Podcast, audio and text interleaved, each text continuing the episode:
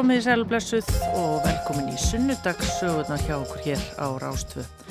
Og gleðilega páska, það eru þetta páskadagur í dag og ég vona þessu öll að bara njóta lífsins hvað svo sem þið eru að fást við. E, Sunnudagssögurnar með svona hefðbundnum sniði í dag. E, Gestur minn á eftir heitir Gilvi Ólafsson og hann er frangatastjóri helbriðstofnar Vestfjörða, Ísfyrningur, Já, auðvitað ekki alveg uh, borun og barnfætur en, en fluttið ungur. Ætlar að segja okkur aðeins uppvakstar sögu sína og bara frá námi og, og störfum og fjölskyldu og áhugamálum og, og eins og uh, þau all viti þá hérna, já það þekkja nú margir gilva hann er alltaf líka komið í pólitíkinni og verið hérna hjá okkur á, á Rúf bæði sem fréttarittari og darskugerðamæður og, og fréttamæður að uh, hann Ég fekk stórt hlutverk í þáttunum Stormur sem áður síndir hérna eh, fyrir nokkur síðan á Rúf fyrstu þrýr þættirnir fjalla eiginlega bara um uh, COVID eða koronaveiruna og vestfyrði mjög áhrifða miklir þrýr þættir. En við ætlum svo sem ekkit mikið að tala um það uh, heldur bara meira um hans sjálfan og, og, og lífið og starfið. En við ætlum að hafa það notaletta árin að því kemur. Við ætlum að byrja hér á hljónstinni Mannakorn og hér kemur lagið Elska þig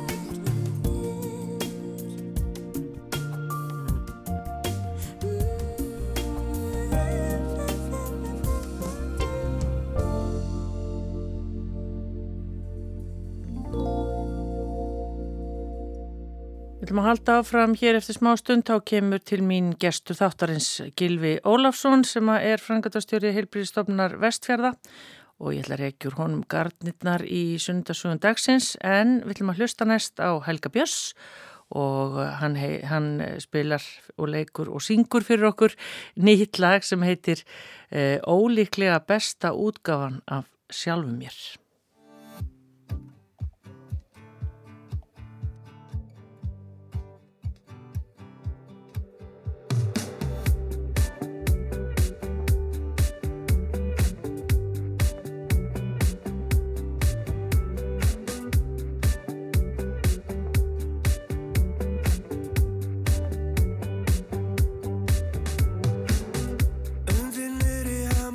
distance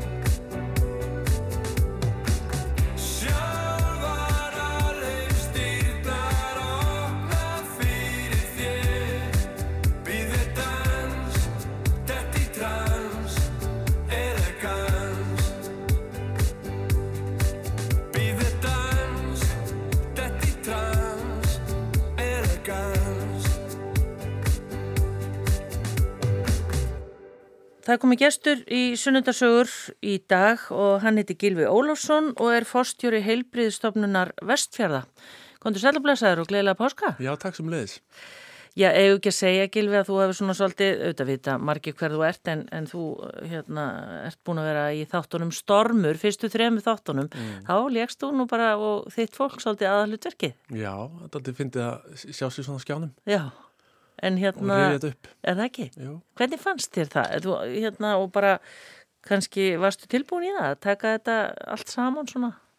Á þessum tímpunkti? Já. Já, ég með það er komið þrjú ár og hérna eh, sko það var mikið mikið hafar í þarna fyrstu vikurnar en svo var frekar svona rólegt á vestfjörðum í þessu svona hlutvarslega með hvað hva, hérna gekk og gerðist og um, þannig að eh, það voru þarna náttúrulega margi mánuður og kannski svona tvö ár sem voru svona frekar tíunda lítil á þessum vettvangi þannig að Já, ég meina uh, þannig að sko að mín, minni hálfu er, er daldi langt síðan að þetta var sko. Já.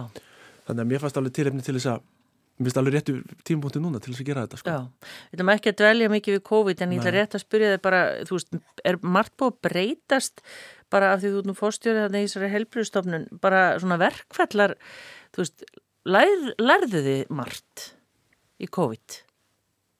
Já, uh, sko ég held að hérna fjár uh, skipti hafi tekið kannski hvað mestum breytingum.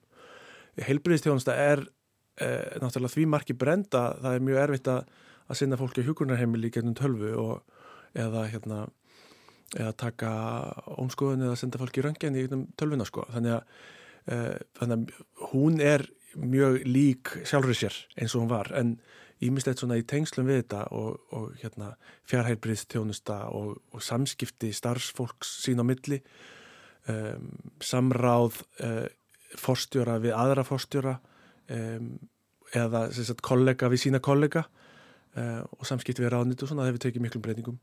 En, en annað nú svona kannski sér, sjálfur sér líkt sko. Já Gilvi, ertu hérna fættur upp alveg fyrir vestan? Já sko við, ég fættur í, fættur í Reykjavík og e, býð þar e, út mína leikskóla göngu þanga til að um, þarna 88-89 þegar að fóreldra mínir ákveða að taka þessu upp þau höfðu reiki hótel við Rauðrasti, höfðu raun að reiki sjúkrahótel þar uh, fyrir Rauðakrossin og þau tóku þessu upp og, og fjölskylduna og tóku við hótel Ísafjörði Já. og voru þar í uh, 25 ár. Og þannig að öll mín svona æska, all, öll grunnskóla ganga og mentaskóla ganga er á Ísafjörði voru þau eitthvað að vestan? Nei nei, nei, nei, nei, þetta var bara svona að pröfu eitthvað nýtt sko. Já, já, þau ætluði bara að vera í eitt árið eða tvö og, og svo bara svona ílengdu stau um, Þannig að þú ert svona hótel út og alveg upp á hótelum eða hvað? Já, svona þriði kynsluðar ferðarþjótt Já, um, uh, og hérna, já þannig að ég var var mjög mikið á hótelinu að, að sniklast þar og, og mín sumarstörf voru að sendast fyrir pappa fyrir banka og uh, með hérna uppgjöri frá hótelinu og, og, og vinna svo á ferðarskrifstof sem var hann uh, tengt sem heitir Vestuferðir Já, en hvernig, en hvernig er svona fyrsta minningin þú kemur vestu? Manstu eitthvað svona bara var, var þetta allt öðruvísi heldur en? Já, það, minningi mín snýr helst að snjóþingslunum sem að voru þarna. Þessir vetur þarna eh, 89, 90, 91 voru gríðarlega snjóþungir og það var hægt að ganga upp á hústökin og við krakkarnir gerum okkur það að leika, ganga upp á hústökin bara af sköflunum og, og voru þarna skapar sem sneru í söður voru, sko, eða þess að glukkar sem að sneru í söður, það sást aldrei út um þá vegna þess að það voru svo stóri skaplar mm. og húsagötur voru ekkit almennilega mókaðar mánum saman og, og hérna mikið svona skýðaýðkun og, og bara snjóhúsagerð og, og svo leiðst og þannig að svona snjórin er kannski það sem ég mann skýrast eftir frá þessum árum. Já, og þá dættu mér nú í hug snjóflóðin, þú ert náttúrulega orðin þannig að þú mannst eftir þeim, vel? Já, snjóflóðið á Ísafjörði 94 þegar skýðasvæði fer og, og svo þessi tvö hann að 95 og uh, þau eru uh, ég mann eftir þeim, ég er náttúrulega badd þá þannig að ég er bara um, ég er bara sendur í, í, í hérna pössun til vina míns og er þar í sko dögum saman og meðan að mamma og pappi voru að, sinna sjálfbóða störfum eða störfum fyrir, fyrir hérna björgunarliðin og, og eldamat og ger og græja. Já, einmitt. Það er þetta bara í minningunni, eitthvað en það var alltaf gott viður og mikil snjór og, og svona en þetta er ekki alveg eins í dag. Já, það er alltaf gott viður Já, og er það, það er nóg að snjóra upp á skíðasveiði, sko. Já. Eh, nei, ég veit ekki, ég veit ekki að hvað sem ykkur leiti veður eða samfélagsgerð eða, eða ég hef bara breyst á þessum árum. En en jú, ég minna, ég var að skoða myndir í gær frá, frá þessum árum. Ég var að skanna inn gamla myndir frá 91, 2, 3 og svona. Og, og ég minna húsin í móhaltinu eru eins sko. Já, og, og fjöllin eru eins. Já. en, en skíðaleftunar hafa fæst sko. Já.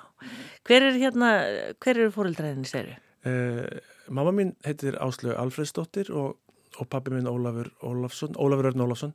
Hann er Hann er framræðslumestari og hérna hefur mikið verið í, í þjóna pælingum og, og hérna verið dómar í þjóna í, við útskrift hérna sveinsprófa í, í hérna framræðslu eða þjóna hinn og mamma er hérna háskólamöndu í hótelrekstri. Hún er að ferða þjónustu ættum en þess að pappinar Alfred Eliasson uh, var einn uh, stopnenda loftlega og fórstjóra þeirra um langt skeið. Þannig að það er það sem ég segi í þreyðu kynsluðar ferðarþjótt sem er ekki kannski margir til af Nei. á þessu landi en uh, þannig að þau hafa, og þau hafa allan sinn starfsaldur verið í ferðarþjónustu með einu með öðrum hætti. Já, og búa þau fyrir vestan núna? Nei, þau eru flutt söður aftur, heimdi sín uh, millilendi í Garðabæ og eru komin í Kópavó núna já, já. og bara sest, sest í Helganstein Og hvað ertu, eru sískinni? Já, þau eru bæði hér í Reykjavík eldri bróði minn sem er bankamæður og býr á Selternesi og, og sýsti mín sem er uh, að læra að vera félagsráðgjafi hún býr hérna í Reykjavík líka Já uh, Hvernig strákur var Gilvi fyrir utan það að standa upp á hústökum og henda sér í snjóin og leika sér á skýðum? Ég var bara venjuleg strákur sem var í íþróttafötum og fór fókbaltæðingar og skíðæðingar og, og hérna Æfðiður og skíð? Já, við gerum það. Uh, Byrjaði í sko bæði svig og göngu svona eitthvað eh, um 8-9 ára aldurinn eða eitthvað svona og og svo var ég alltaf bara svona eh, lífrættur sko, þá, er það aldrei að fara rætt þannig að þá lág betur fyrir mér að fara í skíðagönguna. Já og ég hef verið mjög mikið í henni allar götu síðan, aldrei verið sérstaklega góður eða liðtækur en, en haft gaman að Já. og var að þjálfa lengi og, og hérna Þetta er náttúrulega gríðarlega góð íþrótt. Já, hún er það. Og, hérna, og fyrir alla aldurshópa og þetta er svona eina af þessum íþróttum sem að sem að er sko heppilega fyrir svona trim fyrir svona hverstags heilsubót sko. Einmitt. til aðgreininga frá ímsum öðrum íþróttagreinu sem veru aðalega bara til keppni Já, og stundum hefur nú tekið við til við þig bara hérna í útvarpunni þá hefur við farið á kungurskíðunum í vinnuna og alls konar. Uh, Já, varst að fletta því? Já. Ég býnum við, hvenar hefur það verið? Það var einhver snjóri eitthvað, ég, ég man bara eftir því ég ringdi því og þá varstu, já, ég var nú einmitt að koma og ég náði að fara á skíðunum. Já, já. ég er búin að gleyma þessu. Já. Það er nú ekki oft sem þetta gerist. Nei. Uh, og það helgast nú að því að snjómóksturinn er svo góður. Já En hvað hérna þannig að átt bara frábæra minningar frá æsku árunum á Ísafjörði Já, bara mjög ljúvar um, bara mjög ljúvar og þetta var svona og mentaskóla árin voru líka mjög skemmtilega það voru svona uh, passli stærð af, af hérna skóla. Já. þannig að það var eitthvað valum vini og félaga. En, en samt þannig að maður maður kynntist fólki af öllum tegundum og stærðum að gerðum og, og hérna og uh, skemmtilegt leiklistalíf og, og hitt og þetta sem, að, sem maður sendi tónlistaskólinn og, og svona Og varstu eitthvað í því, tónlistinni? Já, mikið Já. Uh, Hérna lærið á piano og Og? Og klarinetti, já, ég spila náðu þá, sko já. Mjög mikið bara Bara sest niður og spila? Já, já. Ó, það er alltaf svo Það er indislegt og hérna, ef það er um og mér, mér finnst það mjög þægilegt Já. að set, setjast niður og spila og, og sérstaklega þegar maður er náttúrulega orðin svona nógu fær til þess að geta gert þess að þurfa að reymbast sko. Uh, og það er mjög þægilegt þegar að svona uh, loka loka vinnundeginum og spila nokkuð lög. Um, ég spila svona pianodjazz svona gamla standarda og Jón Múla og eitthvað svona dót sko. Og mér finnst það voða notalegt. Já, þarna kemur hinn liðin og gilvað fyrir makt manna heyraði spila, en hvað hérna var ekki menturskólan í Ísafjörði, þetta er náttúrulega heimavistaskóli, eða ekki? Það hluta til, eða? Jú, jú, fyrir þá sem maður þurfti að koma að. Og sko, það náttúrulega breytist með samgöngubótum sérstaklega í tengslu við vestfjörðagöng þannig að sem að koma hann að 96 en þannig að ég var ekki á vistinni. Það voru ykkur sem að voru á vistinni og, og það er, hún er aftur að, að taka við sér núna og Já, er ekki verið að byggja alls konar. Já, já, fólk frá Patrísfyrði sem er að koma heima, á heimavistinu og svona. En, en þetta er nú aðalega bara, var bara svona, svona bekkjabundin áfangaskóli held ég að það hafi heitið og ég fór á náttúrufræði braut og, og það gekk bara vel. Ég fór uh, eitt ár í, sem skipti nefnum til Ekvator sem var mér mjög jákvæð og skemmtileg reynsla. Já, það var hann á þriði ári. Já. Og um, Já, já, ég bara, að mér langaði að sjá heiminn og, og það var svona umsóknareiðublað sem að sem að ég fekk frá AFS og, og þá hérna, átti ég að velja til hvað landa ég vildi fara og ég hakaði við þau lönd þar sem að ég vissi ekki hvað höfuborgin hétt. Mér fannst að vera svona ákveðin svona táknum að það væri land sem ég þýrt að kynast betur og, og ég vissi ekki að Quito væri höfuborgi ekvator, hann að ég endaði þar. Já, já. Segðu okkur aðeins frá Ekvator, já, ég veit ekki það mikið. Bara, það var bara gaman. Hérna, Ekvator er, er frekar lítið land í Suður Ameríku með 13 miljónir manns og, og er hérna, með mjög fjölbreytta náttúru, við fjöll og, og stóran hlut af Amazon frumskóinum og svo uh, mjög hérna, uh, strönd með mjög heitu lofslægi og svo Galapagos eganar, þannig að það eru kannski svona fjórar um, náttúrur. Uh, ég lærið hann spænsku og, og kynntist menningun þarna en engum og sérlega sjálfur mér. Að vera settur í aðstæðir þar sem ég þurft að plumma mig sjálfur og uh, hérna uh, ég þróskast mikið á því að hérna eiga tíma með sjálfur mér og lesa og, Já, þetta er hvað ár? Þetta er 2001 til 2 Já, emitt og þessu tímanbili þannig endar þessu tímanbili líkur með því að að Egotor tekur þátt í fyrsta skipti í heimsmyndstarmótinu fókbalta uh, sömari 2002 og þau voru mjög stolt af því og, og hérna spurðu uh, og það var mikill fagnur og, og gaman að vera í Egotor þá. Já, og ertu ennþá í sambandi við fjölskeldina? Nei, ég get ekki sett það. Við áttum ekki skap saman ekki þannig að það hafi hérna eitthvað sko, sko, hérna, skorist í brínu en, en hérna við áttum ekki þannig skap saman að, að ég hafi rækta þann vinskap. Ég hins vegar er með þau á Facebook þannig að ég sé svona hvað er að gerast í þeirra lífum. Og, og hérna og það, þannig að það er áhugavert sko. En nei, við höfum ekki haldið í sambandið að liti En voru þetta bræður og systur? Og já, já, já, það var eitt bróðir hérna og, og svo fjölskyldan eh, yngri strákar og hérna eitthvað svona líka stór fjölskylda. Um, og við vorum hérna ég var hérna í borg sem heiti Kvenka sem er borg með íbúfjöld á starfið Ísland. Um, svona 300.000 eitthvað svona upp í fjöllunum. Og hérna já uh, þetta var hérna, þetta var mér lærdomsríkt og ég hérna hveti alla til þess að gera eitthvað af þessu tægi, eitthvað svona sérstaklega það sem var náttúrulega sérstaklega uh, þægilegt var að, að það var svona passleg tenging við umheimin við ringdumst á einu sinni mánuði við ég og mamma og pabbi. Þetta er náttúrulega eitthvað svo þegar maður segir frá þessu í dag sko, varandi heimþrá og svona annað. Já, og, og, og sem að þýtti sko að það var svona, jú, eitthvað, eitthvað slags heimþrá en svo bara, þú sker maður á það, maður hættar að hugsa um hvað er að gerast heima og maður bara, er bara komin í sitt líf hann úti og þetta er svona nógu langu tími til þess að maður komist, verði svona það sem að sví að segja varm í klædana að, að maður sé svona komin almennilega inn í samfélagið að að hvað er hættulegt og hvað er ekki hættulegt Einmitt. Og ertu búin að koma hana síðan?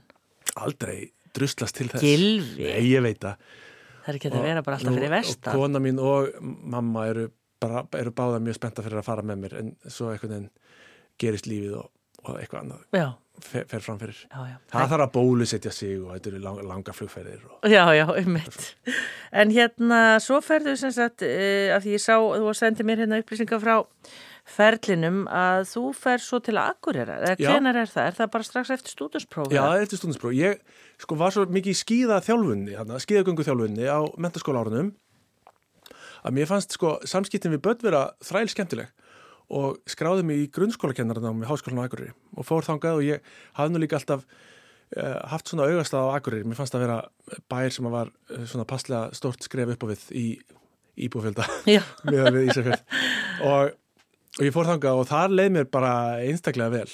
Og ég lærði þar til hérna, þeirra þryggjára gráðu sem að þá var uh, hérna, kraf, gerð krafum til þess að fá starfslefi uh, og, og hvað varstu, bjóstu leiður íbúð? Já, já, ég var bara eitthvað út í bæ sko.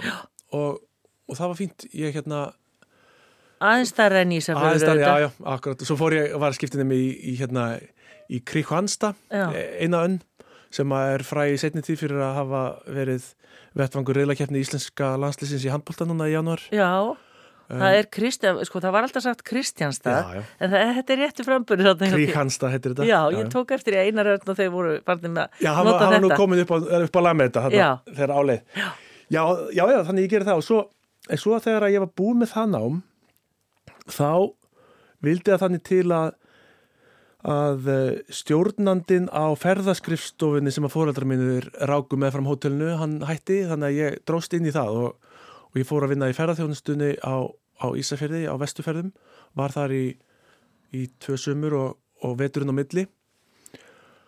Uh, svona af því að ég gætt stokkið með skömmu fyrir var einn í það. Þetta verður fyrirtæki sem var aðalega að selja bátaferðir og, og leysaðaferðir á hotstrandir og, og taka mútið skemmtiskipum. Ennmitt og þetta fyrirtæki er ennþá starfrækt sko já, já, þá þessi ekki lengur í eigu fjölskyldunar og Varstu þá sem farastjóri? Já, og frækvöldastjóri þarna á þessum tíma uh, Og þannig er nú ekki byrjaður þessi, þessi breytta brjálaði í ferðamönnum eða hvað? Nei, nei, þetta var svona frekar lítið Já. og, og sætt sko og, og eiginlega engin rekstur utan, utan júni, júli, ágúst svo nokkur næmi. Þannig að kennslan, hvernig pröfaður þá aldrei? Nei, ég gerði það aldrei. Gilvi? Nei, nei, það bara, svona gerist lífið. Það komið tvent þá, það er heimsókn og fornaslóðir og svo kenna.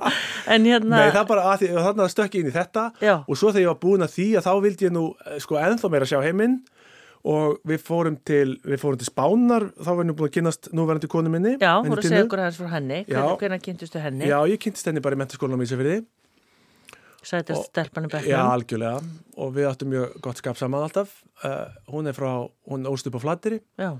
og kom hann yfir í mentaskólan og við fórum að draga okkur saman þarna þegar ég er ennþá á Akureyri og búum svo Ísafjörði saman þarna eitt vetur og svo förum við saman til Spánar, hún vildi læra spænsku og ég vildi einhvern veginn bara sjá hvað gerist Já. var nú svona að gera tilrunni með fjárvinnu sem var nú svona farið að geta borið sér þá og var að kenna ennsku og að hala bara eitthvað að hanga sko Já, hvað á spánu segir Eh, Madrid En þú er náttúrulega verið þarna eins og innfættu með þína spænsku eða hvað? Já, það var nú svona aðeins farið að fenna í spórin. Já, já. Já, það verður að segjast.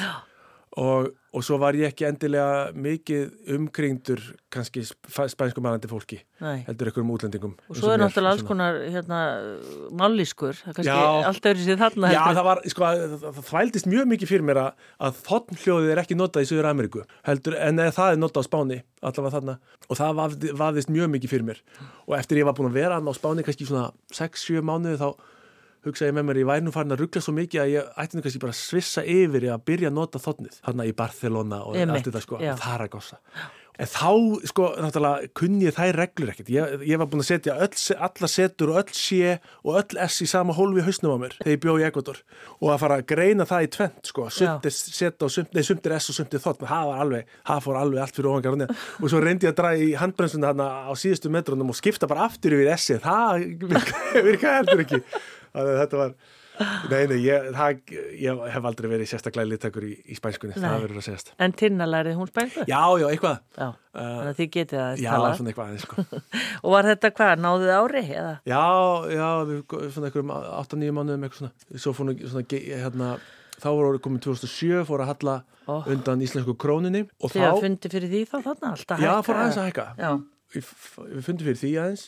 En þá hafði svona runni, þá vildi ég nú fara að læra eitthvað meira. Og ég uh, fann það að svona þær bækur sem að ég neyðist til þess að lesa, þær væru allar tengdar uh, hagfræði með einum öðrum hætti, stjórnmálum og hagfræði og eitthvað svona. Svona, minn indislestur var ekki tengdur grunnskólafræðum. Þannig að ég hugsa með mér, þarna var ég með uh, starfsleifi til þess að vera grunnskólakennari og, og ef ég ætlaði að fara í eitthvað meistaranám og það væri nú kannski ágætt að það væri bara eitthvað í ykkur öðru og ég geti þá snúið tilbaka til grunnskólakenslunar hérna setna eða ég vil fara í mentaskólakenslu eða eitthvað slíkt. Uh, Þannig að ég, hérna við skráðum okkur í nám í Stokkólmi og Tinna, hún hafði alist upp í Stokkólmi þegar að uh, hún var uh, hérna í nokkur ár, fimm, fimm árið eitthvað, þegar mamma hennar var í háskólanámi sjálf.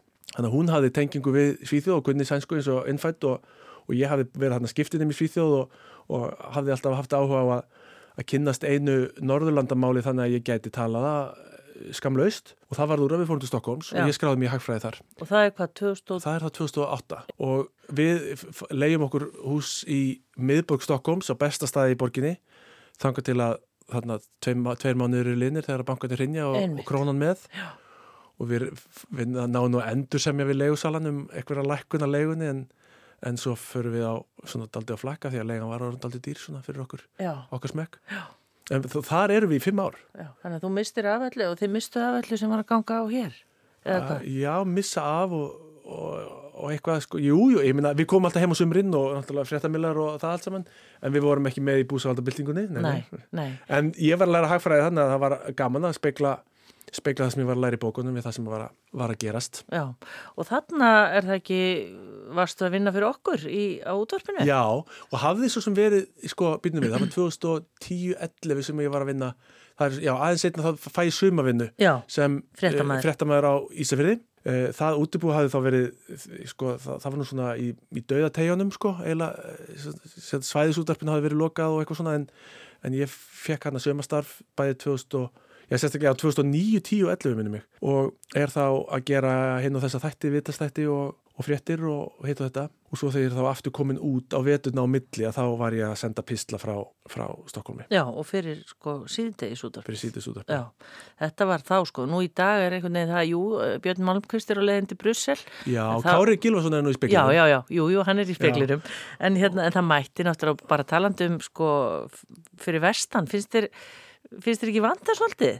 að, að, Já, segja... ég saknaði þar drífu, hún var komið mjög, orðið mjög öflug. Já, uh, en bara segja mér í fréttir. Vi, við ringjum til dæmis alltaf í þig bara. Já, já, akkurat, það, það er nú velkomið. Já, um, já, já ég, jú, ég meina það mætti vera öflugri fréttamennska en hérna, uh, og helst náttúrulega er það eitthvað sem að þarf að er ykkur að vera á staðnum sko. Já, ummitt Vegna þess að reynsla mín af þessu ennú svo að Jú, það er hægt að pikka upp einhverja fréttir úr fundagjörðum bæjarstjórnar eða af einhverjum Facebook-fæslum stjórnmálumanna en, en maður þarf svona að anda að sér samfélaginu Já. með einhverjum hætti. Og þekkja til. Og þekkja til og vita við hvernig á að tala og, og eitthvað svona. Og mér er nú mjög minnst að ég var fréttamaður hana uh, á vestfjörðum an, annarkvort sumari. Einn fréttin sem ég skrifaði var um, um blámann úr útblæstri sorpbræslustöðverðinar funa sem var svo síðan lokað.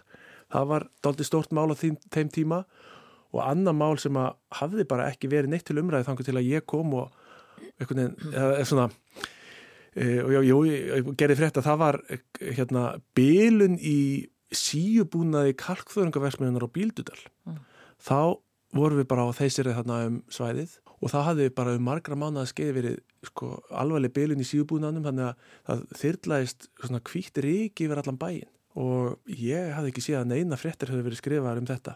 Og ég er bara eitthvað að spjalla við fólki hérna á, í sjópunni sko, hvað er frétta? Og, og eitthvað svona. Og þá er þetta nefnt og að húsi að liðast í sundura þegar svo mikill výbringur frá vélanum og, og lakki á bílum að skemmast út af þessu ríki og eitthvað svona. Og ég segi eitthvað fréttir á þessu og reyna, er að reyna að finna eitthvað til þess að kannski segja sína skoðun á þessu og svona, það vill enginn gera það. Bíldudalur var þá ekki komið lagseldið þannig að hann var í mjög miklum mikill í varnabártu og, og stórt hlutvall af fólkinu sem bjóða þarna var ekki til vetursetu. Og þeir sem voru þarna í vetursetu hafðu sína hægsmenni beintið ábeint undir karkðungarversmiðinni þannig, þannig að það er svona mitt dæmi um að súfrétt hefði nú ekki verið skrifið eða, og svo, svo ringi ég í, í, í frangatastjóra karkþjóðunarversmiðunar og segi bara hvað hva er með þennan síðubúna og þá sagði hann já ég er búin að vera að býða lengi eftir þessi síntali Þetta er magnað og það er einmitt kannski en já eins og segir Það þarf helst að vera einhver á staðnum. Það þarf að vera það. Þá þarf það ekki endilega að vera eitthvað sem er bara í fréttum, heldur líka í ýmsum samfélagsfréttaflutningi sko, í, í, lettari, í lettari tóni sko, Já, eða einmitt. dagamálum. Sko. Já. En hvað með þig Gilvi, sko, heitlaði þetta að vera svona kannski fréttamaður eða fjölmjölamæður? Var það eitthvað sem þú hefur getað? Já, þetta var þræl gaman. Er það ekki? Jú, jú, jú. Og, og, og opbáslega reynsla. Heldur betur. Já. Og gaman að vera snöggur að setja sig inn í mál og reyna að greina hvað er aðladrið og hvað er ekki aðladrið og, og snúa upp á mál þannig að þau verið áhugaverð en samt þannig að þessu sönn e, raunveruleikunum e, einhvern veginn og, og líka þessi og líka þessi dagumála hluti eða svona þessi, þessi mannleg hluti að taka við til áhugaverð fólk. Ég náði nokkrum viðtölum svona, mér minnir að það hafi heiti okkar á milli sem voru svona, svona fólk sem hafi frá mörg að segja sem var orðið aldur nýð og, og við náðum aðeins að taka þau viðtöl þannig að þau eru með kær líka. Eitthvað til mann fekk ég, ég man nú ekki til hvað útastætti það var, ég morgun útvarpið eða síteis útvarpið eða hvað fætti þá þá var ég að taka ég út á sólarkaffinu fyrir vestan sem að er náttúrulega haldið upp á. Já, já.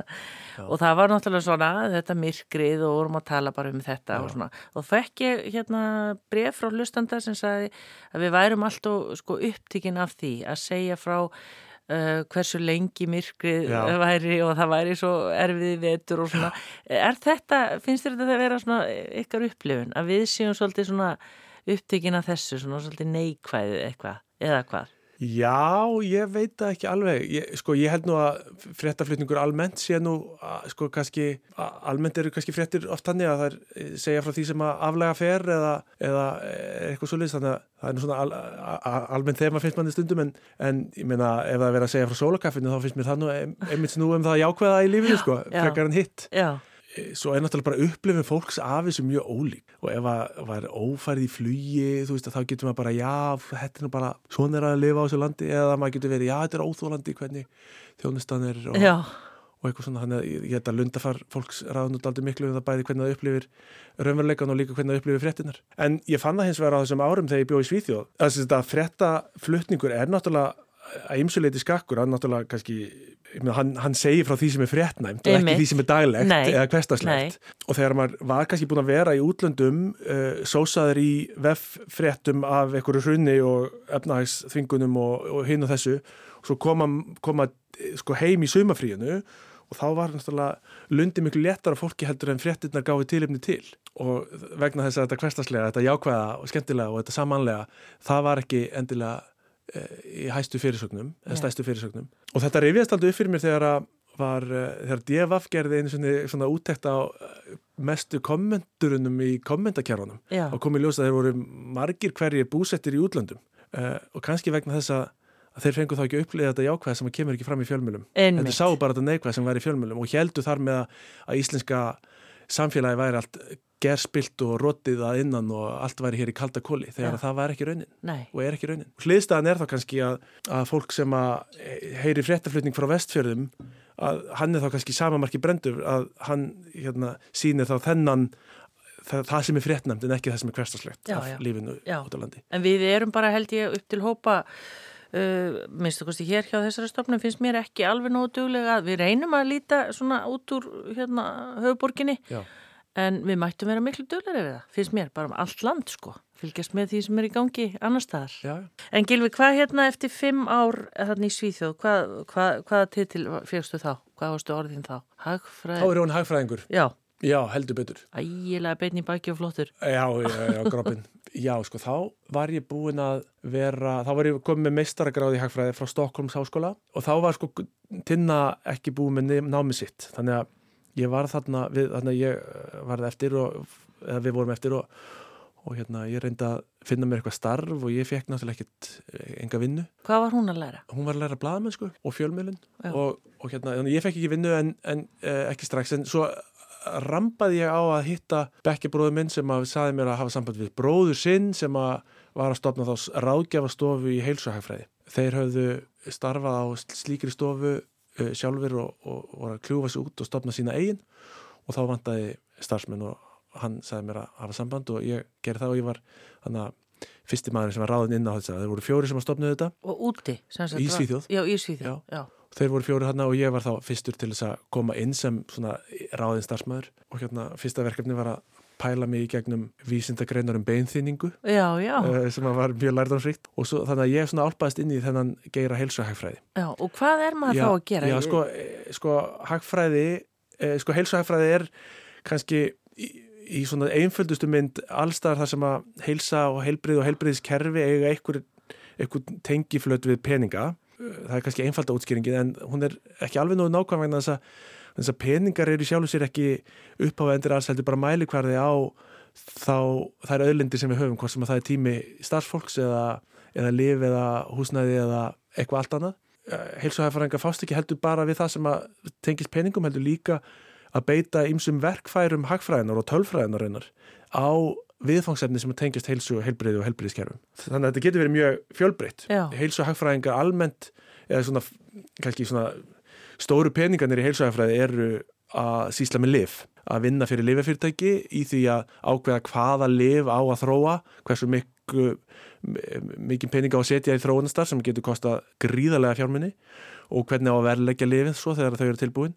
Og svo eh, kaupenda megin hérna á Vesturlundum ríkismegin við ákveða hvaða lifa á kaupa og hvort það borgir sig og hvort það svari kostnaði uh, eða hvort það sé hvar hægt er að gera mesta gagn fyrir peningana Já. í heilbyrðiskerfinu, hvort sem að það er að kaupa þá nýja lifi eða fjölga hjúkunarfræðingum og síkusíkismótugunni eða, eða hvað sem að það kann að vera. Þannig að þetta er mjög fjölbreytt en þessi ráðgjáðstofa hún var að vinna fyrir þá engum lifa fyrirtæki og lækningavöru fyrirtæki ímskonar. Og þeir eru þá þann úti þánga til hvað? Ja, við, til 2013, Já. þá er Tinna búið með námið sitt og og við komum með heimþrá og ég segi upp og ætla að fara að flytja heim og veit, veit, veit svo sem ekkert hvað ég ætlaði að fara að gera. Ætlaði kannski að fjárvinna eða eitthvað svona. En uh, þau tóku það nú ekki mál og vildu bara ég held að fara að vinna uh, fjárvinna og ég skráði mig samlega uh, það var nú svona daldi útsvona samtæði þeir, þeir hérna sögðu að ef við ekki að raða hérna saman okkur verkefnum og redda peningu svo við getum farið í doktorsnám. Þá sáu þeir að, að það verður kannski einhver gullrót sem að ég geti séð hérna, þannig að ég geti haldið trið við,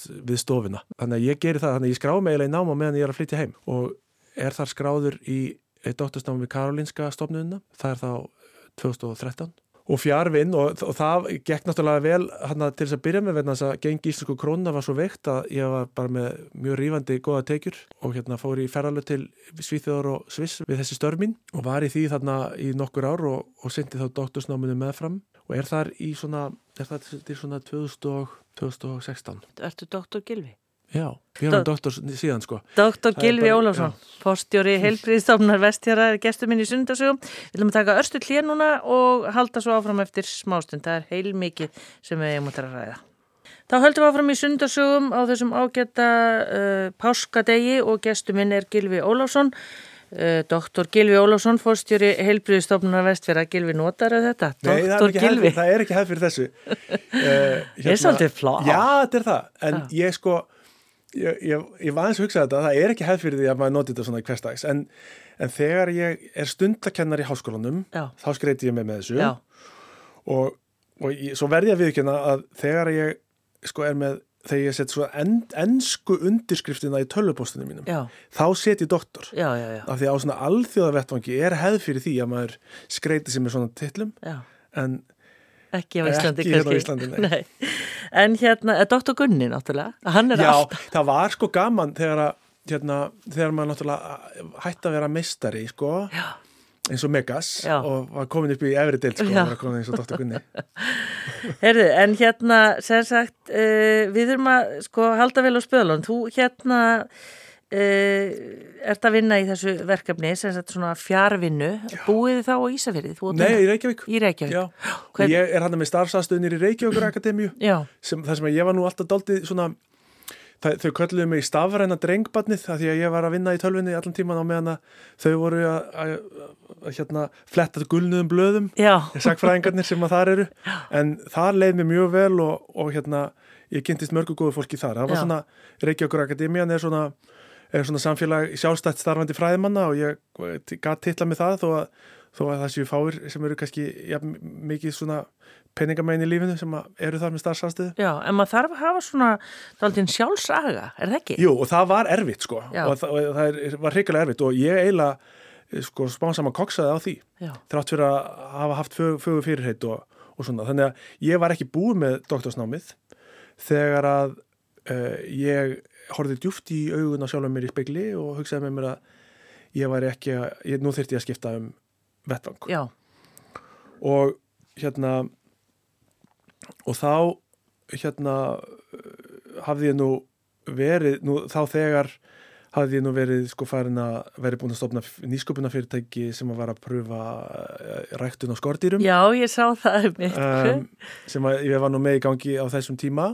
Svona... Sem fóður þá, eða? Já, Já, það var hugmyndin. Já. Og við vorum með nokkra svona spurningar sem að við, við, við töldum þetta að vera nógu áhugavert einnar messu virði að kanna hvort þetta væri eitthvað viti í þessu og, svö, og reyndum að svara eins og spurningum sem við náðum að svara og niðurstaðan var að þetta hendar ekki, þetta er ekki sniðut, borgar sér ekki á Íslandi, eh, borgar sér víðum heim og er mjög sniðut uh -huh. Eh, þannig að við lókuðum því verkefni það var eh, setna, það var 2018 eitthvað sem við lókuðum því um, og, hérna, og skrifum bara skýslu og pökkum því saman og, og svo fæ ég nú reglulega svona einhverjar spurningar frá fólki sem er að velta þessu fyrir sér Já. sér að skortir sé skemmtileg lausn við uh, prótínvanda framtíðarinnar. Já, ég held að eitthvað fyrirtæki hafi fengið eitthvað nýsköpunarvelu núna, það er eitthvað í gangi. Já, já, þetta er bara gegnum gangandi sko að, og þá bara svara ég þessu og við skrifum skýslu sem að svara allavega þeim spurningu sem við ætlum að svara svo að fólk þurfi ekki að finna já, pjólið aftur. Um, þannig að við lókum því en, en þarna var ég orðið mjög þreyttur á þessu fjár brasi og og hérna og þarna þið eitt bann, er það ekki? Já, eitt bann sko og Elin hérna, Bergþóra fætt 2015 Akkurat. Og svo er Eisteit Galti 2017 já, hann fætti senast Þú ert í þessu líka já, aðeins. já, já, það fylgir. Og þá fór ég og byrjaði aðeins að velta fyrir mér stjórnmálum og gerði mér gildandi í viðreist og það er svona ægslæðist hann að, að ég fór og hérna sóttist eftir því að verða oddviti viðreistnar í norðvesturkjörðami það var í kostningunum 2016 og það var einstaklega skemmtilegt. Það var þannig að við höfðum nú við, viðreistin var á þessum tíma daldið óskrifabla þannig að fólk gæti nú til reiknað okkur alla sínar hugmyndir ef að fólk vildi. Þannig að við fengum svona nýgræðingsveluninn og náðum hann að daldið góða fylgi kjördama, eða, og, þingmann í öllum kjördamum nema norðvestu kjördami og það var svo sem ekkert skrítið það eru, voru ýmsar hugmyndir sem að viðreistin hefur haft á lofti sem að eru ekki vinsalar í norðvestu kjördami uh, breytingar á fiskveistjórnakerfinu og landið kjördami og, og uh, hitt og þetta. Það munið að vísa ekki svakalega miklu ég hefði komist inn sem jöfnamaður sko en uh, hérna, það var eins og það er. En daginn eftir að ég hérna, tapa í þessum kostningum og þá ringir Benedikt Jóhannesson í mig sem að þá var formaður og sem þá var formaður náttúrulega já, og, Fyrsti formaður? Já, akkurat. Og þá var hann orðið þingmaður og, og hérna uh, hann var farin að SMS-ast við óttar proppi Já. þá þegar og hann býði mér að vera aðstofmaður sinn sem að ég þykk eftir umhugsun. Þannig að þá þurftu þau náttúrulega þá að halda áfram að bú í bænum, eða hvað? Já, já, akkurat. Ég, já, já, ég, ég, ég var sko oddviti viðristnar í norrvestu kjöldami en, en hafið þá ekki búið fyrir vestan hana, síðan, 2000, síðan bara á sumrum sko já. og ekki fast síðan 2007. En hvað var þetta í pólitíkinni? Varstu, hafður alltaf verið pólitískur og... Já, já, já, já, já, já. Alveg á kafi þessu? Já, já, í grunnskóla stofnaði ég öfgasinnaða hægri flokkin. Nó! Já, já, já, við vildum, hérna, við vorum að slásta á göngunum við kommunistana og þá var stofnaðar annar flokku sem var, sem var hétt Söpn, sem var samtök öfgasinnaðara friðasinna á nágrinnis. Já. Og við vorum með svona pólitíska reyfrildisfundi og, og hefðum gaman að, sko. Já.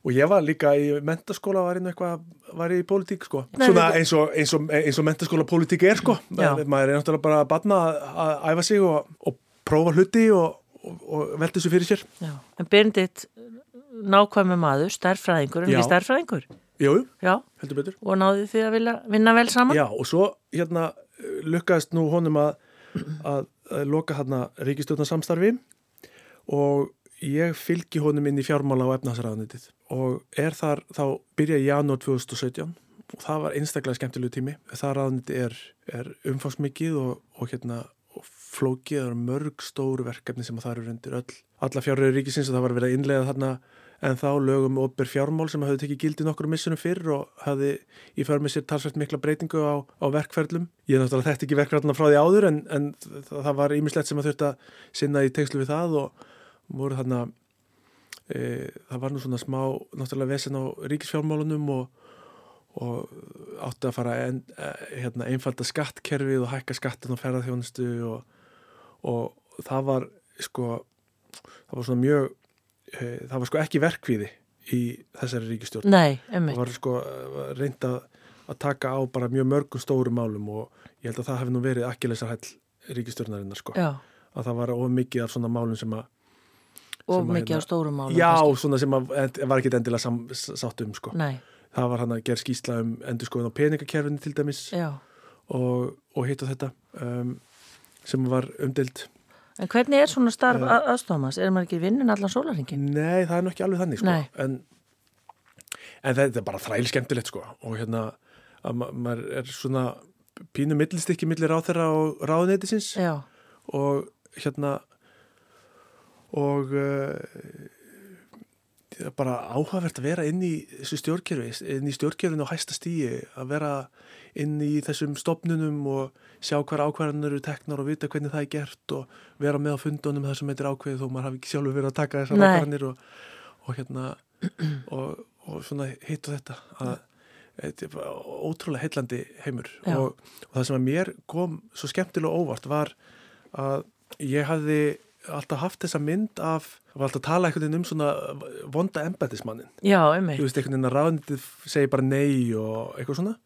En svo kemur maður hérna inn sko og er fulltrúi stjórnmála afl sem hefur sína skoðanur og er búið að skrifa hérna sáttmála og þá, og þá bara hópast sko fólki aðmann og segir bara hvað er ég að gera, hvað er ég að gera, hvernig hefur ég að gera þetta hér og, og hvað vilt að við gerum hér og, og, og hérna býð til Excel-skjöl og og, og töflur yfir hvað er byrjað og hvað er í, verk, í ferli og eitthvað svona og bara eins og hugumann sko. Já, já, já. Og, og hérna var miklu, þú veist það var þessi hugmynd um einhvern veginn að embætismenni segja alltaf neyfi ráðferðan sko. hún var náttúrulega alls ekki ekki sönn, hittir annað embætismennir þeir verða áfram í vinnu þegar ráðferðan er farin þannig að þeir þurfa að tryggja ákvarðina sem eru teknarsju byggðar á á, á röglegum grunni og, og, hérna, og sambarlega reglusju notaður um sambarlega málefni og það sé ekki vera búið til fordæmiskildi og allt það sko. Já, já, ég, og ég skýr það og það er náttúrulega það sem er ráður ánum gremst sko, þeir vilja bara hérna, ganga hreint í verks og taka ykkur ákvörðin sko en það þarf að á, sjá það í stærri myndinni.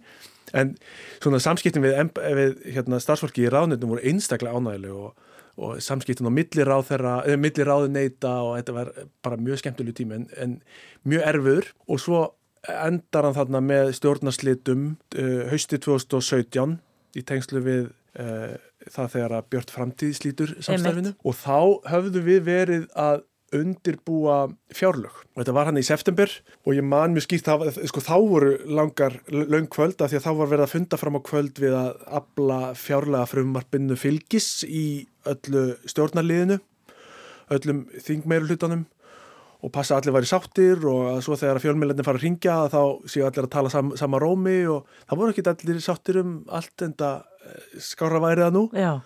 og þetta var mikilvinna og hérna og, og, svona, og svo bara gerist það bara þarna, meir og minni í þessari viku að stjórnin slitnar. Já.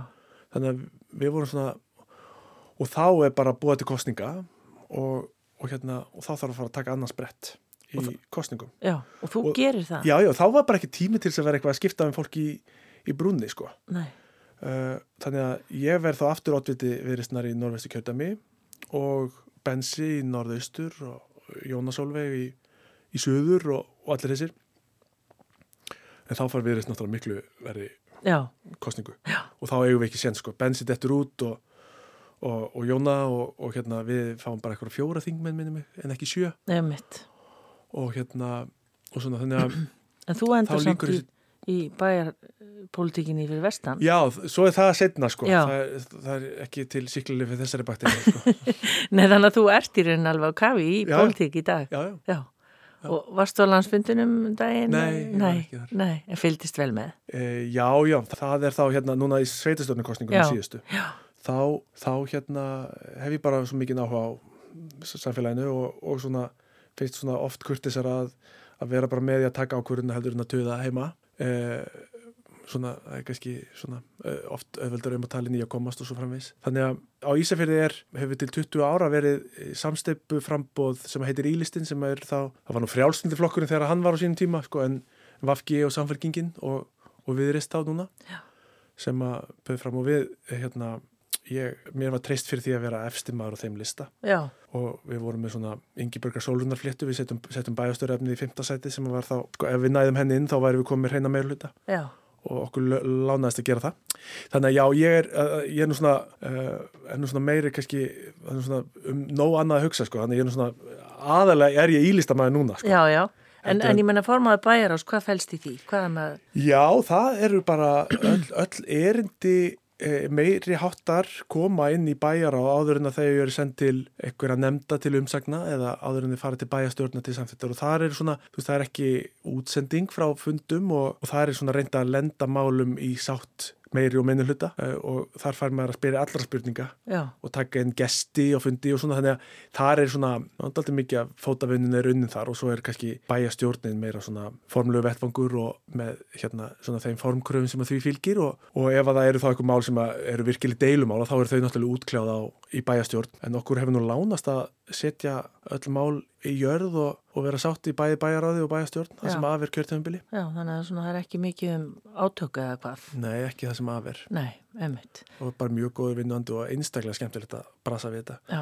þegar maður getur þá í einu máli er maður að, er maður að hafa skoðun á, á hérna, því hvernig einhver bíl er búin af því að hann er uh, að vinna inn á vassvendasvæði e, og það er einhver skipulasmál og, og svo er það form og eðli skólamáltíða og, og, hérna, og allt þar á milli sko. það er, og það er það sem að mér finnst svo heitlandi maður er alltaf einhvern veginn að, að kynast einhverju nýju og læra eitthvað nýtt og tala við fólk um hluti sem að þau eru sérfróðum og, og þá bara, það er bara svo gefandi það er Já. svo fræðandi Það er nóg að gera ekki að þér, Gilvi, af því þú Já. ert líka sko, þú ert aðtapnastjóri hjá Seidment sko, það er náttúrulega bara einhvern veginn Við þekkjum þetta orðið öll í dag, fylgta fólki sem að, hérna, þjóðþögtu fólki sem tekur þetta að sér og alls konar fólki. Hva, hvað er það? Akkur er langað að gera það? Já, sko við giftum okkur borgarlega í Svíþjóðar bara áður en að við komum heim við tinna í, í hérna ráðhúsunni í Stokkólmi og uh, höfðum ekki verið trúið um talsvert skeið og já, ég hef aldrei verið trúið svona okkur en nefni og svo þegar við komum heim að þá, þá sá ég þetta námski auglist og það rifjast upp fyrir mér að ég hef kom, farið í eina eða tvær giftingar sem að það sem að vara augljóst að, að sko brúðhjónin voru ekki trúið og mér fannst það að hlita verið eitthvað betri leið heldur en að setja fólk sem er ekki trúað í aðstæður þar sem að trúin er eh, yfir og allt umleikjandi og mér fannst það líka vera svona vanvinning við það sem eru raunverulega trúaði sko. að fólk sé einhvern veginn að setja sig inn í aðstæður þar sem það er ekki trút því uh, samhengi, samhengi. Þannig að ég sá þetta námskeið, þetta var uh, hvað, 2014 eitthvað og, og fór í það og ég ætlaði nú aldrei að gera það að aðalatunni heldur bara svona hérna, í og með og bjóða vinnum og kunningjum upp á, upp á þetta. Og það hefur svona cirka gengið eftir. Ég hef verið með eitthvað svona þrjár, fjóra ratafnur ári eh, síðan. Eitthvað svona giftingar og sérstaklega og nafngjafir voru á tímabili mjög mikið þegar, þegar ég var umlugtur fólki sem var á barnegna aldri. Uh, og, og svo hef ég gift Svo koma fermingarna bráðum. Já og svo hef ég verið og svo þegar ég flutti til Ísafjörðar þá hef ég, var svona aðalstarfi minn verið að vera með fermingar sem eru núna orðnar árvissar á vorin á Ísafjörði og svo heima fermingar svona fram eftir sumri eftir hvernig hvernar aðstandendur geta eh, lagt landundi fót til þess að koma í, í ferminguna. Og ertu þá bara í lópapeysu eða ertu í einhverju múti? Nei, ég, ég er í giftingafötunum mínum sko. uh, sem hérna, eru hvernig? Já, bara svona, svona svona jakkaföt með vesti já, já. Og svona fín född sko. En er þetta hérna, ekki bara, af því manni finnst sko þetta, maður þarf svolítið að hérna, já, auðvitað kunna tala og svona, hver, hver, hvernig er gilfið í þessu, ertu? Það sem ég fann líka, sem að vara á þessum tíma ég, mér fannst ég kannski þurfa eitthvað slags uh, útrás fyrir einhverjar andlegar uh, pælingar, eitthvað sem að fólk oft tekur með sér í kirkju uh, eða reynir að fá reytinguna til þess að svara eða, eða, eða trúna og á einhvern, einhvern, einhvern hátt væri nú líka kannski af þessari kynslu sem að gæti ekki almennilega verið heiðaleg eða ekki heiðaleg heldur svona einleg eða ærleg og einhvern veginn að maður geti ekki talað um tilfinningar á þess að gera það í einhverju djóki eða kaltæðni Já, ummitt Þannig að ég sá þarna í þessu ákveði tækifæri til þess að, að vera með fólki á sínum dýrmættustu stundum og tala um gildi lífsins og það sem er mikilvægt og tilfinningar og bara vera með þagnir í því sem maður er að segja og leggja áherslu orð sín og tala um alvöru tilfinningar, horfa djúft í auðuna fólki og meina það og finnast svona bara, finnast svona í ákvæðar sannar tilfinningar hellast yfir sig þó að það sé ekki nema í örfára mínundur og mér finnst það rosalega gefandi Já. að hérna að hugsa um, um það og þetta gefur mér tilefni til þess Gilvi, hvað hérna hvað fælst í því að vera fórstjóri heilbríðsstofnunar vestfjara? Af því ég hugsa sko hvað þetta er alveg, það ljóta þeirra langi dag og svo ertu tvö börn og, og hérna er það eins og gönguskíðunum og öllu, ég menna er þetta ekki, þú, það er brjálega að gera hjá þér. Uh, Já, við erum með heilbriðstjónustu í umdæmi sko heilbriðsumdæmi vestfjörða og heilbriðsumdæmi vestfjörða er ekki eins og önnur, eins og önnur umdæmi ríkistofnana, lauruglu umdæmi er til dæmis ekki eins uh, eða kjördæmið eða, eða önnur umdæmi, helbriðis umdæmið er, er Bólungavík og Ísafjörðabær og Súðavík, Tálknafjörðarreppur og Vestubyggð.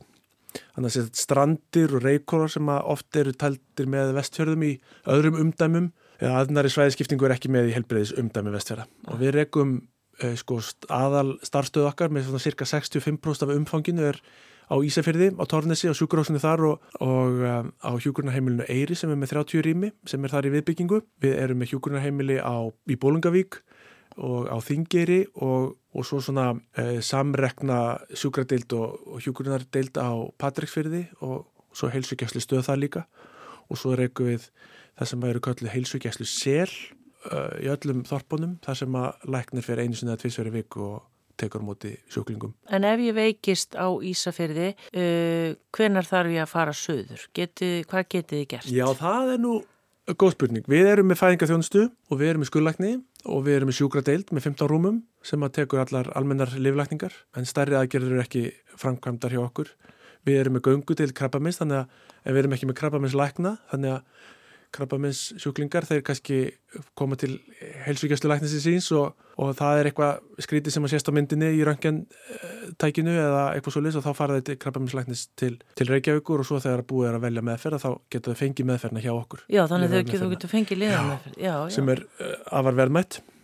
Um, Áður þurfti fólk að fara bara söður og já, já. þau gæti tekið Já, það er náttúrulega fyrir, fyrir geysla meðferð fyrir fólk náttúrulega sögur og, og fyrir ímsa og talsvist mikið af sérhæðari meðferð er náttúrulega veitt uh, fyrir sunnan. En ef við fóbrotna? Já, þá bara færði gifs í okkur. Já, já. Já, já, já. Og, og eða patró mm -hmm. og röngin tækið það líka til þess að, til þess að hérna, græja það. En ef ég er á gömul, fæ ég hérna inni á hjógrunahemilinu? Já, er það ættir að gera. Já. Það eru bygglistar og þeir eru hérna á Ísafyrði hefur verið Eh, svona bygglisti sem er á pari við höfborgarsvæðið og höfborgarsvæðið hefur verið vestfyrir og höfborgarsvæðið hafa verið efstir eða með lengstu bygglistana og það hérna, er nú ekki mörg rými hjá okkur þannig að það getur nú rakkat aldrei mikið á milli mánuða en það er þar sem byggð en við leggjum þeim meiri áherslu á að veita góða heima þjónustu, heima hjúgrunn um, og að fólk hérna fái heilsugjast í þjónustu og svona hérna til þess að og stóðtæki og hitt og þetta svona svo að fólk getur verið heima eins lengi og það getur. Það er það í samræmi við vilja langt flestra og stefnu stjórnvölda að lega fólki að vera heima Já, en, en hvernig gengur þá eins og með mönnunarmál hjá ykkur og svona eins og þannig alltaf verið að tala um það? Já. mesta og stærsta áskorinn svolítið. Já, það er það. Og líka hjá ykkur. Já, og við höfum, og það er nú sérstaklega hefur að verið hjá hjúkurnafræðingum og einhverjum sérlega lækunum að ykkur leiti líka hjá sálfræðingum og Eh, já, líka hjá sálfræðingum, okkur hefur vantað svona fastan sálfræðing, við höfum reytt okkur á fjár, fjár heilbríðslausnir þar að mjög miklu liti og svona sendi svona far sálfræðinga, já. ekki fjár um, þannig að það er bara mikil áskorun, já. Já, þið auglustu, ég tók um þetta viðtal við þig ekkert tíma, þá voruð þið auglisa í útlöndum eftir starfsfólki, hvernig gekk það? Það gekk alveg príðilega, við erum með fjóra danska, fjóra eða fimm danska lækna núna, fjóra heilsugjastlinni og svo svona hafa komið líka inn á skurðstofuna og, og sjúkadeildina. Sem eru þá hvað lengi? Já, svona... sko það eru núna tvei pör sem eru ár hvort já, par. Já. Uh, þannig að það er verður til á, ágæti samfella í því. Uh, fólk hefur tekið þessu ágætlega, þetta er ekki, uh, þetta er nú ekki plan A að gera þetta svona. Það er ymskonar hindrandi sem eru á þessum vegi að hérna, tungumálaruleikar er ekki bara millir samstagsfólks og, og fólksins við tölvukerfin og sjúkraskrárnar og sjúkrasöguna heldur líka við sjúklingana og við höfum nú fundið reynd að finna svona fjölbreytta leiði til þess að koma til móts við það Já. En hérna það taka svo allir mjög vel og skilja kannski þessu undirlíkjandi hérna undirlíkjandi ástæðu sem eru bara að hérna það vantar fleiri lækna og ef við ætlum ekki bara ef við heilbyrjastofnunar ætlum ekki bara að vera bítast um sömu læknana þá þurfum við að stækka púliðina takin tækja fólk og, og það eru líka ferskir vindar sem að koma með þeim og þau hérna eru með glögt gestsöga á mörgum sviðum. Og hægt að útveðum húsnæði? Er það Já, það líka? er stöðu þetta sko en eins og er viða um land sko og það er bara vinnan okkar. Já, það er bara þannig? já, já, ég það, já, já, það er hérna, það er eins og hérna svona ofta sagt sko, það er, svona, það er verkefni Já, en er af því þú ert nú sko aðeins tengdu líka í pólitíkina Gilvi, er, er fjölgun eins og þú veist, er, er fólki að fjölga Já, lítilega Já, og það er að fjölga og það er nú sérstaklega í tengslu ymis konar ymskonar ferðarþjónustum svo hefur, var bara svona kröfur til húsnæðis aukist sko þannig að hérna uh, og, og húsnæði fer líka í í vetrar eigu, eða þess að í eigu fólk sem er með lögheimili annar staðar. Þannig að þá svona kvarnast úr húsnæðasmarkanum og þess vegna vantar meira hús. Já. og það er verið að skipilegja hérna lóðir til þess að hægt verið að fara að byggja almenlega það hefur, uh, það var náttúrulega lengi þannig að markasverð var lægra heldur en byggingaverð en það hefur núna náðu jafnvægi þannig að þá er lag og þá má ekki standa á bæjar við völdum að vera með lóðir klárar bæði fjölbylís og einbílislóðir til þess að verktakar og einstaklingar og, og hérna, fyrirtæki geti ferða að byggja. Já, Gilvi, hvað, Tinna konaðinn, hún er upplýsingafulltrú í Ísafjörðabæjar, um hvað talið þið, hvað er það borðið? Við reynum að vera með reyna línur um að tala ekki um mál sem við meðum ekki tala um, sko. og hérna, og mér er nú oft leiða hálsi fyrir að ég viti mjög margt sem að ég nefni aldrei af því að ég verð þess áskinja eða kynnist í, í starfinu hvort sem að það er í bæjarpolitíkin eða í heilbyrjastofnun. Já, bara verið það þagmælskuna. Já, já, já, já, og hún er bara tekið mjög hattilega og, hérna, og allt heilbyrjastarfólk gerir það og, og, og hérna, embættismenn eru bara ég verð alltaf fyrir jafn, svona jákvæðum svona hughrifum af því hvað fólk er passasamt með þetta. Og það er náttúrulega einstaklega mikilvægt í, eftir því sem að sveitafélagin eru minni eða bæirnir eru minni að virða þetta. Að virða mörkin á milli þess sem maður uh, er að sísla með sem heilbyrjastarfsmæður annars vegar og þess sem er að sísla með sem sem hérna meðforeldri á leikskólanum. Eða, eða, eða hvað þannig kann að vera sko. Já ömmit. Hvað hérna fyrir utan skýðin, hvað gerir og spila piano, hvað gerir þú svo í frístundum ef það eru ykkurar? Já, það ég, það er í þetta sko Já. og svo bara sinna fjölskyldinni sem er allir á gangu skýðum, líka litlu bönni? Já, við eigum skýði fyrir þau sko Já. og reynum svona þrælaðum Manni finnst eitthvað svo skrítið að sjá lítil börn og gungurskið. Það er eins og þessi bara, fari bara gungurskið þegar maður er stór. Já, það er e, náttúrulega ekki mikið fút og í, að vera a, í liftónum sko. Nei þannig að við förum nú líka í liftuna með þau og það er nú kannski aðeins auðvöldar að, að platta þau þanga Já. það er svona, sjarmin við skíagönguna hann kemur ekki fyrir kannski aðeins hérna ekki, ég minna að meðan maður er 5-6-7 ára þá er svona þá að, hérna, þá er það kannski ekki mikið en, en jújú, jú, við erum í þessu sko Eru duglega að ferðast um landið að skoða við það? Á sumrin? Já, já, já, já, já. Ha, Við reynum alltaf eitthvað að fara sko, tinna á fjölskyldu í Mývasveit og við fyrir þátt aldrei þanga og, um, og bara, bara svona, já, já. já reyna að njóta þess að þryggja mánuða sem við fáum.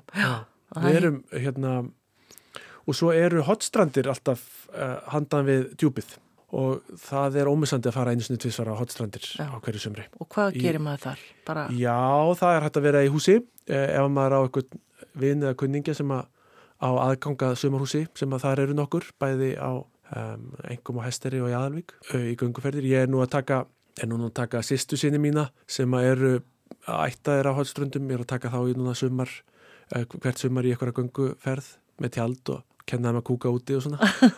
Og talandi um sko börn og, og reyfing og það eru stundum harmöndu hvað þau geta. Þau geta já alveg. þau geta margt sko. Já. Geta, já, já, og að ganga upp í fjöllin ganga upp í skörð og svona og niður aftur. Það er fínt sko. Og það er líka ágættan sem ég er ekki pappið þeirra sko þannig að þá get ég sagt þeim bara þeir eru ekki að kvarta sko.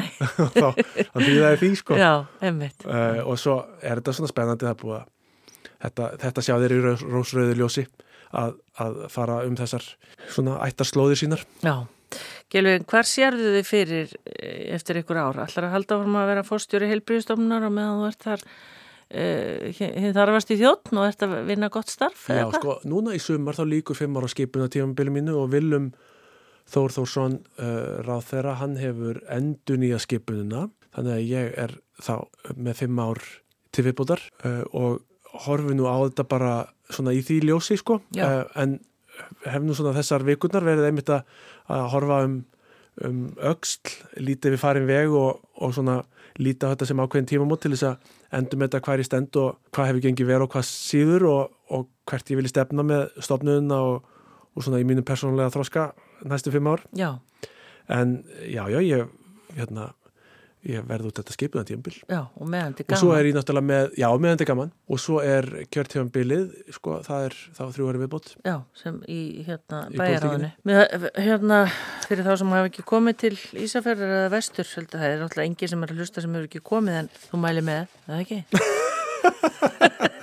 Jú, jú, og fara sko niður í ef það er ekki mjög fjalli Já, að fara þá niður í gamla bæin sem að er eh, sko hverfisvendaður uh, með svona litlum húsum með fallugum bíslugum og, og, og svona. Ég er með, ég á húsið mitt í uh, götu sem heitir Tangagata sem er svona hellulögð, vistgata sem að bílarni keira hægt og börnin er að leika sér og og fólk hittist úti á götu og, og, og, og þau húsöld saman eru einstaklega skemmtilega og gam, gamla að ganga hann um og skemmtiskipa þarna þeir, þeim finnst þetta gaman líka að, að rölda hann um og ég mæli sérstaklega með því. Þetta er nú sögur frá gata líka þannig að Eirikur Arnoldar skrifaði heila bókum um hérna, framkvæmdinnar þegar þessari götu var breytt úr, úr bútasöms malbyggi yfir í hellur. Brúin yfir tangagötuna heitir svo bók og fjallaðum það hérna, þegar að sérst, brúin er yfir ykkur að skurði þegar, að, þegar var verið að laga alla lagnindar hann undir og eitthvað svona og hérna ef að þið lesið gjörla þá getið sé sjúkrafsfórstjóran og hann bregða fyrir hann á veitinblæðsíðinni Einmitt það. Gilvi Ólafsson fórstjóri heilbriðistofnunar vestfjörða og margt fleira. Takk fyrir að gefa þið tíma að koma til mín í sundarsögudagsins á sjálfum páskadegi. Gleðilega páska, takk fyrir. Þá bara komið að því að hvaðja og þakka ykkur fyrir að hlusta, þakka gesti mínum Gilva Ólafssoni fyrir komuna, vonum að eh, þið hafið átt notalega páska og eigið áfram, það eru bara sunnudagur í dag, svo er annar í páskum á morgun. Og eh, um að gera að njóta lífsins og eh, við ætlum að enda þetta á söngkonni Adele, lag sem heitir I Drink Wine. En nú aftur gleðilega páska, takk fyrir að hlusta og bless.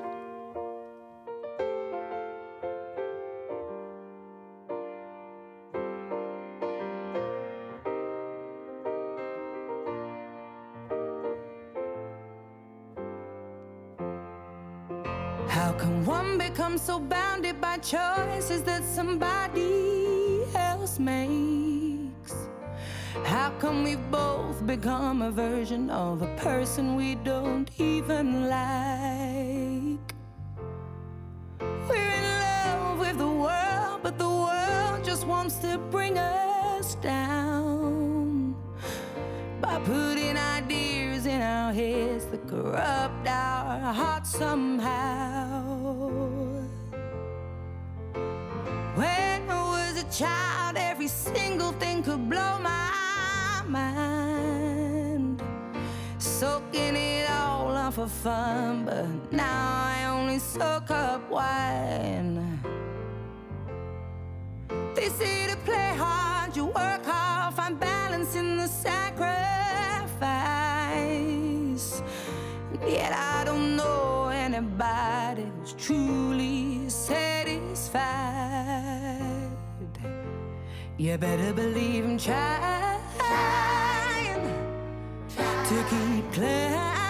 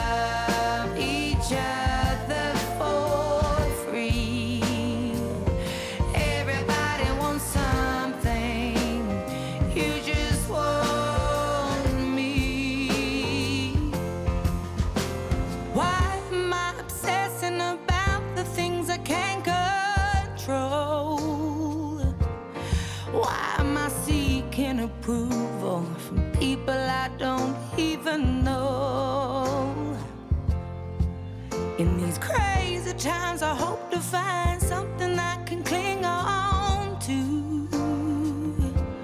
Cause I need some substance in my life, something real, something that feels true. You better believe for you